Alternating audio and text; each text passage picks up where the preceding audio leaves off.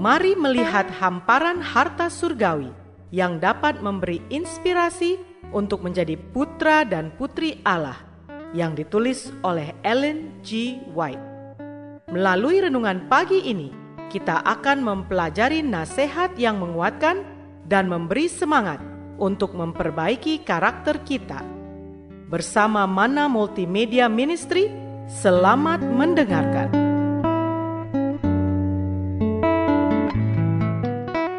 Shalom, selamat pagi saudaraku. Renungan pagi kita hari ini 14 Maret berjudul Mengasihi dan Berbaik Hati. Bersama saya, Airin Erika Solo. Ayat intinya diambil dari Ibrani 13 ayat 1. Demikian firman Tuhan. Peliharalah kasih persaudaraan. Mari kita dengarkan penjelasannya. Tidak ada anggota keluarga yang dapat mengurung dirinya di dalam dirinya sendiri. Kalau ia dipenuhi dengan kasih Kristus, ia akan menyatakan sopan santun, kemurahan hati, penghargaan lemah lembut terhadap perasaan orang lain, dan akan menyampaikan kepada rekan-rekannya melalui tindakan kasihnya, perasaan yang lemah lembut, bersyukur, dan berbahagia akan dinyatakan bahwa ia sedang hidup untuk Yesus dan setiap hari memperoleh pelajaran di kakinya, menerima terangnya dan damai sejahteranya. Usaha mempertumbuhkan kepantasan hidup yang paling teliti pun tidaklah cukup untuk menghalangi segala kecerewetan, pertimbangan yang kasar, dan perkataan yang tidak pantas. Kehalusan yang benar tidak akan pernah dinyatakan selama diri dianggap sebagai tujuan yang tertinggi. Kasih mesti berdiam di dalam hati.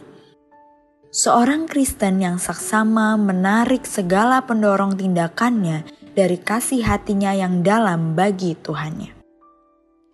Mulai dari akar-akar kasih sayangnya bagi Kristus, mengalirlah suatu perhatian yang tidak mementingkan diri sendiri kepada saudara-saudaranya.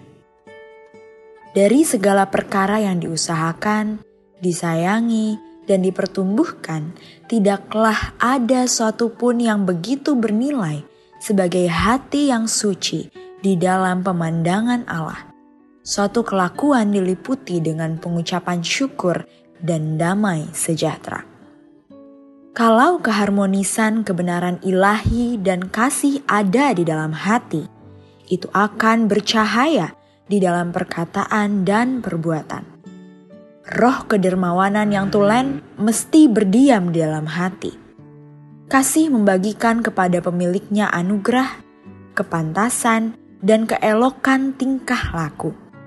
Kasih menyinari wajah dan melembutkan suara, dihaluskannya dan ditinggikannya manusia itu seluruhnya. Dipimpinnya ia ke dalam keharmonisan dengan Allah, karena itu adalah suatu sifat surga.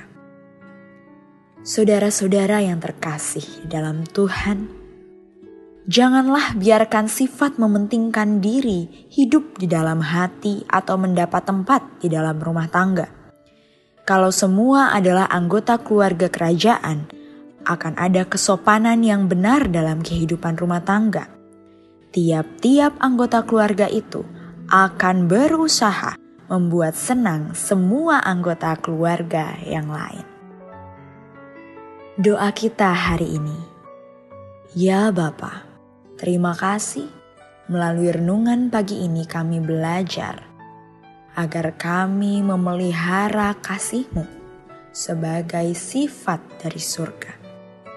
Terima kasih melalui renungan pagi ini kami diingatkan agar kami tidak mementingkan diri kami sendiri.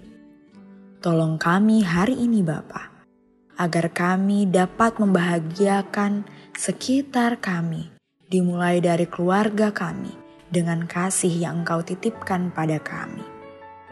Terima kasih ya Bapa, hanya kepadamulah kami serahkan hidup ini. Di dalam nama Yesus. Amin.